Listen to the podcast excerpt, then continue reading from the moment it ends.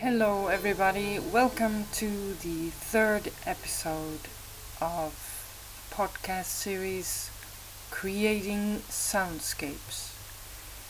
In this episode, we are going to watch more closely a few guitar motifs, uh, theoretically, and one uh, audio example of a piece written on lute for play. Uh, this play is uh, playing in Germany. It's uh, a, a, play of an Arabic writer, and the idea was to create a combination of different types of uh, guitars, such as uh, lute, which you heard in the intro, uh, semi-acoustic guitar, acoustic guitar, bouzouki, um, and oud. Uh, these types of guitars are all based in a tradition of um, the oud, uh, for example, is based in a tradition of Arabic music and um, is uh, later on has traveled through pilgrimage to other cultures uh, such as uh, Western cultures and uh, went overseas to develop as other instruments.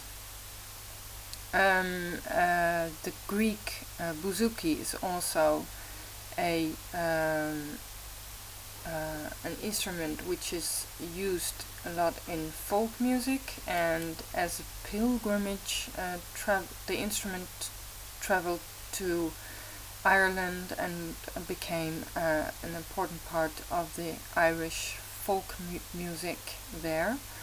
Um, uh, and uh, the Renaissance lute is actually uh, a transformation of the Arabic oud, but then in another style and another sound. But the idea is um, coming from the same uh, as a composer, for my in my opinion, it comes from the same kind of uh, basis. The the body of the guitar, for example, is the same.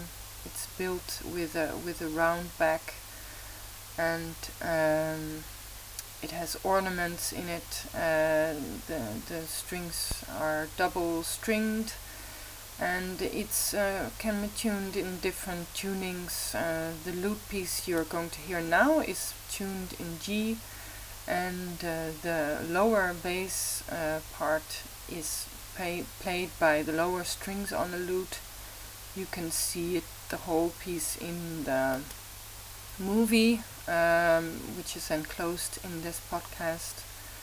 The lower strings are mainly uh, used as bass um, bass line, the lower four strings, so to say, and the other uh, strings are mainly based uh, as uh, chord uh, playing and uh, playing the melody line in the lower in the in the higher string part and the chord uh, the chord sections on in the middle of the the strings.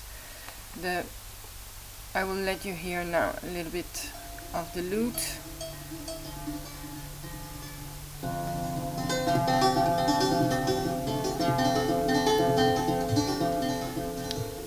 It has to be played with uh, with a very delicate way of using your hands like the right hand has to be totally relaxed so that the nails don't touch the strings. Uh, it's different than guitar playing where there's a lot more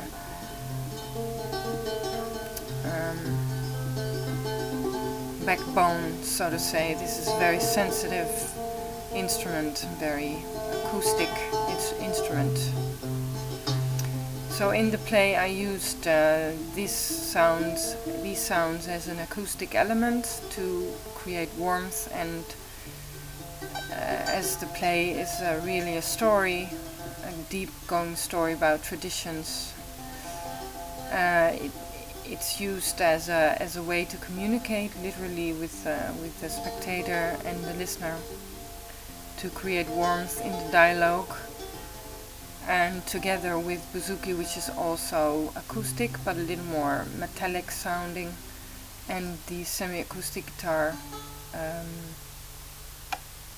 and the oud which is really Arabic sounding. I will uh, come back to it in in the next episode. I will tell more about it but um, this was the an example of playing the lute and how to uh, just an impression on how to use guitar sounds in um, a play with a lot of text. Um, it's always important to think about dialogues, the way that is spoken on stage, and how people are communicating, and how the dramatic um, uh, plot and um, lines are made.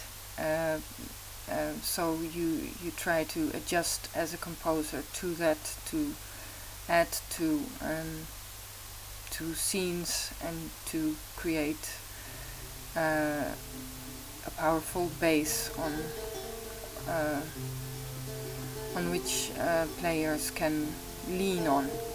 So this was it for today. Uh, the next episode will follow very soon.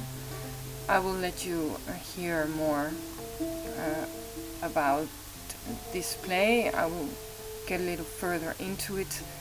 For now, you can listen to the lute composition to maybe get a little introduction on um, composing for plays with text.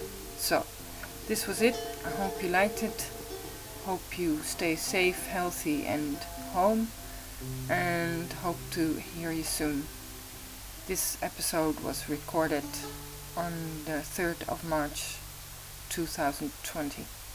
Have a nice evening, you all, and relax a little bit. Bye.